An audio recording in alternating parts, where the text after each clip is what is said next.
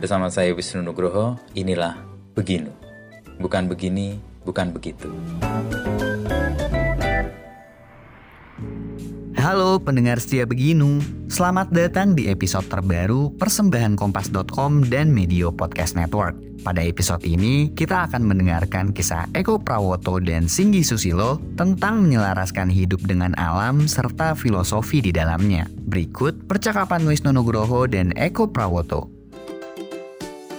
Hari gini masih ketipu investasi bodong, masih susah atur keuangan, investasi, klaim asuransi, dan update isu finansial? Dengerin podcast cuan, cari untung bareng teman. Persembahan Media by KG Media dan Motion FM di Spotify.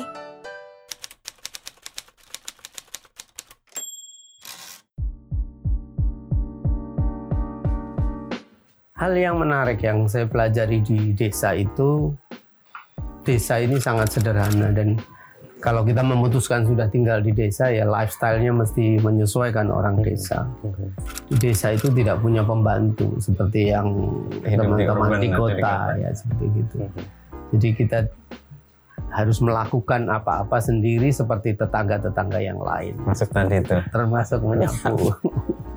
itu kayak kalau saya lihat di Instagramnya Pak Eko kalau pagi itu kan kayak momen untuk kayak apa ya meditasi, Betul. kesadaran, dapat sesuatu Sa- yang sangat asik. menyenangkan untuk saya. Selain nyapu, ya kita Gerak mengenal lingkungan, melihat irama alamnya, dan em, mencoba merubah pola pikir yang yang daun kering itu bukan sampah sebetulnya. Oh, Oke.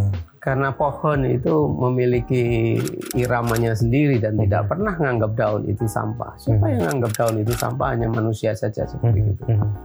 Ya, saya mencoba dengan itu sambil belajar mengakrapi itu mencoba membuat sesuatu Dengan daun-daun yang daun itu. dianggap sampah itu. nah sehingga sedikit menggeser pemaknaan daun itu bukan sampah tapi art materials gitu Ya, ya, ya. jadi kita bisa Jadi karya, jadi sesuatu Itu yang walaupun kita. sementara Mhm. tapi itu juga menjadi apa ya self rewarding activities untuk saya begitu sambil nyapu kita bisa gitu relax sendiri di foto dan ya menyenangkan untuk saya Mhm. sangat sangat refreshing Dan itu nggak akan Pak Eko temukan kalau nggak ke desa itu sebenarnya. Atau ada kesadaran itu sebelumnya? Eh, hanya di desa karena Mhm. itu juga berubah iramanya kan berganti. Mhm. kadang-kadang pohon ini ya, mahoni yang banyak yang gugur hanya periode tertentu. Tapi eh, kemudian ada nemu pohon ini eh, daunnya ini dan dan seterusnya. Mhm. itu ya semacam mengakrapi menyapa alam di sekitarnya. Tapi juga kebutuhan dengan menyapu itu lalu kita melihat kalau ada pertumbuhan rayap di rumah ini jadi Oh, tahu begitu. Oke, iya, iya. karena kalau lama nggak nyapu tiba-tiba rayapnya sudah Naik, naik, ya. gitu gitu jadi menyapu sekaligus menginspeksi titik-titik Yang kemarin dilihat atas yang yang rawan rayap itu Tadi Pak Eko menyebutkan tinggal di desa dengan lifestyle yang seperti orang desa dan itu kemudian menemukan iramanya gitu Iya. ya. Susah nggak Eko untuk switch ke situ ya? Karena kan kayak generasi saya nih punya mimpi-mimpi urbannya kan pulang ke desa Iya. hidup dengan eh, bayangan itu mungkin ya karena niatan awalnya memang untuk belajar sebetulnya Belajar. jadi pindah ke desa untuk eh, untuk belajar dekat Mhm. lebih dekat dengan alam karena saya ya berapa tahun ini kan selalu bicara tentang lokalitas tapi tinggal di kota jadi oh, Tidak. otoritasnya kurang ya. ya tidak selalu berjarak begitu Hmm. nah dengan tinggal langsung di desa di antara alam kedekatan dengan itu itu ada proses proses belajar saya kira Hmm. dan em, ya ada banyak hal yang baru dan saya pikir memang harus menyesuaikan itu ketika kita masuk dan menjadi bagian dari alam itu berbeda dengan melihat alam lebih dari sisi apa ya semacam eh, view atau pemandangan indah saja gitu Hmm. jadi dan saya menyadari bahwa kegiatan-kegiatan domestik sesehari itu cukup time consuming. Hmm. Jadi orang desa tidak bisa disebut orang desa itu nganggur atau malas. Hmm. banyak sekali kegiatan yang harus dilakukan sendiri Hmm. dan itu membutuhkan waktu banyak. Oke. Entah perkara kayu bakar, entah perkara air, Hmm. entah perkara membersihkan dahan-dahan, daun-daun dan eh, ya banyak kegiatan yang lainnya. Mhm, mhm.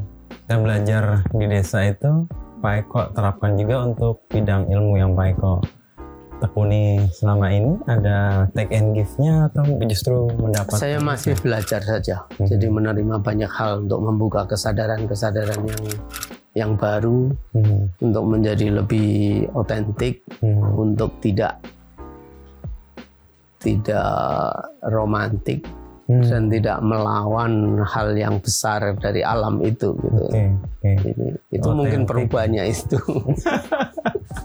Dan orang desa muncul itu ya, authenticity-nya. Saya kira orang desa karena eh, hidup bersama dengan alam sudah sejak dulunya, Mhm, dia tidak tidak pernah mengeluhkan tentang alam ya. mhm. Itu saya kira eh, menerima alam dan hidup di dalamnya itu sudah yang mm, built in itu, embedded kesadaran itu. Gitu.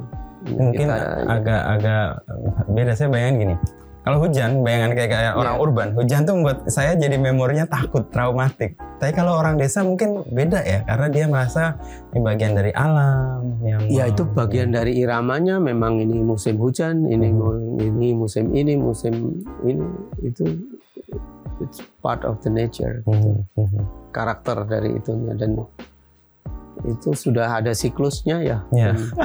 Meskipun Ya, juga diikut. sekarang berubah juga ya. ya paling diikuti saja yang seperti Hmm. itu. Hmm. gitu. Tapi Pak Eko bilang otentik, tidak romantik gitu ya. Arti Hmm. artinya bisa di dijelasinnya gimana? Ya otentik itu me- jujur dan terbuka dan menerima alam itu bagian dari hidup kita. Kita jadi alam gitu. Hmm. Dan kalau romantik itu kan lebih gimana ya? Wah ini hanya satu sisi saja Hmm. tentang keindahan atau tentang apa. Tapi sebetulnya itu kan satu Seluruh yang utuh gitu. Mhm. Dan keutuhan ini menjadi menjadi penting ya dalam apa eh, kalau saya rasa-rasakan gitu. Kita yang membangun kehidupan modern yang artificial itu banyak hal yang belum selesai. Mhm. Jadi lingkarannya itu tidak tidak Hmm. tertutup gitu. Masih ada Bolong-bolong. dan itu meninggalkan eh, hubungan-hubungan yang belum selesai seperti misalnya sampah dan eh, oke. limbah dan itu. Tapi alam itu sendiri sempurna ya. Mhm. Kalau itu tidak diganggu, tidak diintervensi, itu saya kira merupakan satu lingkaran yang yang ya. tertutup, yang utuh, yang benar Nggak ya. Saya kira hmm, kita perlu meniru itu kembali ke alam itu juga sebetulnya mengapresiasi hukum-hukum alamnya dan kita yang menyesuaikan, Mhm. tidak kemudian memaksa alam atau mencoba menindas alam. Mhm. Berikut percakapan Wisnu Nugroho dan Singgih Susilo.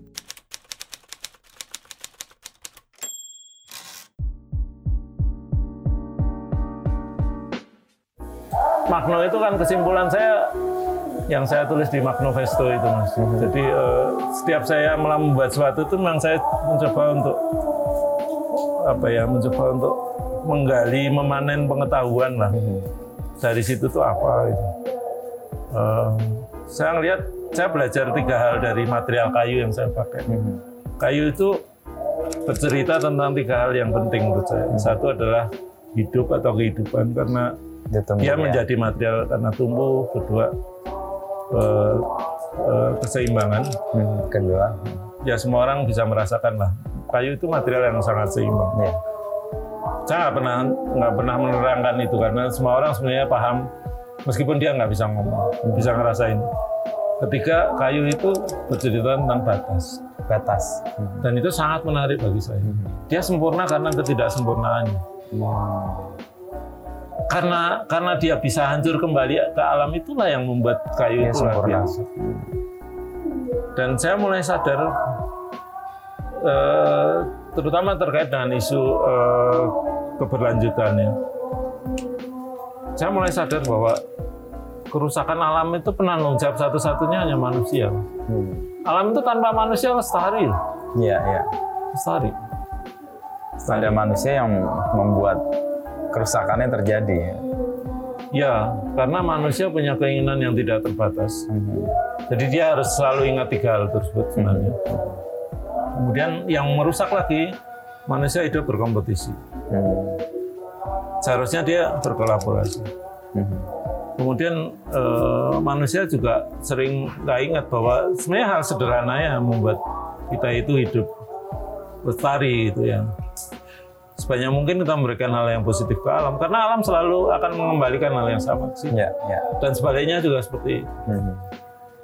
Ya dari perjalanan Magno itu kira-kira selain saya bisa menunjukkan bahwa desa itu bisa menjadi Ya, ya. sesuatu yang keren, bisa menghasilkan sesuatu yang keren kalau diseriusi, dia juga me- me- membantu saya untuk bisa memahami hal-hal tersebut. Hmm. Hmm. Dan manusia itu menjadi sumber masalah. Betul mas, Ya. jadi sumber masalah. Eh, dan itu tidak mudah. itu. Hmm. Nah, ketika di Spedaki, termasuk saya sebagai desainer di Vesto, Vesto itu kan saya tulis Ya. gunakan eh, 10% dari eh, ilmu desain kamu itu untuk membuat produk dan gunakan 90% lain untuk menyelesaikan masalah kehidupan itu. Hmm. Saya sebenarnya prakteknya gitu mas. Oke. Jadi saya mendesain produk itu cuma ya pakai 10% aja. Sisanya dalam men-solve problemnya. Dan saya mendesain produk belum pernah, kayaknya belum lebih dari umur saya. Saya umur saya sekarang 54. Belum Produk sebanyak yang itu. ya? dan saya berusaha untuk tidak membuat produk terlalu banyak. Hmm. Eh, jauh lebih baik membuat sedikit produk tapi itu dia punya impact yang besar bukan hanya dari sisi sales ya, tapi dari sisi hal lain. Ya sepeda bambu sepeda gini menginspirasi banyak orang. Hmm. Menginspirasi lahirnya pasar papringan Ya, dan pasar papringan menginspirasi banyak kegiatan serupa di banyak tempat. lain ya. eh, orang juga mulai lihat bahwa bambu ternyata sekarang banyak anak-anak yang menggunakan bambu untuk material untuk di situ. Ada banyak yang dia bekerja di daerah dan Hmm. punya produk-produk bambu yang bagus. Bagus ya. Ini muncul dari Ya. keberanian atau kenekatan Ya. mengambil resiko mas tinggi di awal tadi. Ya saya pikir teman saya itu benar banget tuh. Ambillah risiko masih Ya, muda. masih muda. Kalau yang papringan tadi sempat Ya, disebut ya. mas, kan tadi spe, eh, Magno, Ya. sepedagi. Nah Ya. pasar papringan ini sesuatu yang beda lagi Ya. atau saya salah memahami aja? Sebenarnya sama aja mas. Hmm. Semua kan semua itu cerita tentang masa depan yang tersimpan di masa lalu. Hmm. Radio, eh, Sepeda. sepeda Pasar. ya pasar papringan ya. Hmm. Jadi ketika saya sepedaan kan saya berusuhan ke desa-desa dan saya menemukan papringan tuh banyak tidak terpelihara, digusur, diganti tanaman lain. Kalau dekat rumah ya, kalau orang butuh lahan untuk membuat rumah, dia paling paling banyak digusur dan dan saya menyimpulkan orang nggak suka sama papringan. Sudah sesuatu yang dihindari. Ya kalau saya tanya orang kok papringannya ditebangi kenapa itu? Ben Padang Dan Padang. ya karena singgup gelap itu menjadi sesuatu yang menurut mereka nggak maju. Hmm. Tapi saya mulai melihat, ya saya bikin sepeda bambu, saya mulai lihat di luar bambu dilihat sebagai satu material masa depan. Kemudian pohon bambu sendiri kan pohon yang ajaib mas. Hmm. Sekali tanam nggak perlu tanam ulang. Kemudian materialnya tuh bisa digunakan banyak sekali untuk eh, fungsi. Produk ah, fungsi ya. Itu terbukti zaman dulu Hmm. dan sekarang dia bahkan bisa bi- dibuat untuk tekstil, Hmm. kemudian eh, konstruksi dengan laminasi dia bisa buat bangunan bertingkat loh mas sekarang banyak sekali sebenarnya. Mhm. Kemudian dia penghasil oksigen yang cukup tinggi, Hmm. Dia menyimpan air juga cukup tinggi, akar-akarnya itu menyuburkan tanah, ada jamur khusus yang tumbuh di akar eh, Akarnya bambu. si bambu. Kenapa orang kalau membuat pembibitan itu selalu mengambil tanah di bawah pohon bambu karena itu sangat subur. Oh, Oke. Kemudian eh,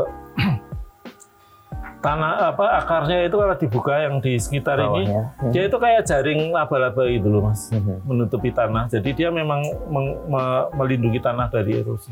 Hmm. Kemudian eh, Padahal itu tanaman lain kayaknya yang sekeren bambu. Dan bambu banyak di kita. Iya. Dan itu udah ada. Mhm. Cuma kita bosan dan inferior aja sama Mhm. bambu. Kita nggak pede aja sama bambu. Seperti itu. Terima kasih telah mendengarkan podcast Beginu. Nantikan obrolan Wisnu Nugroho bersama narasumber inspiratif lainnya.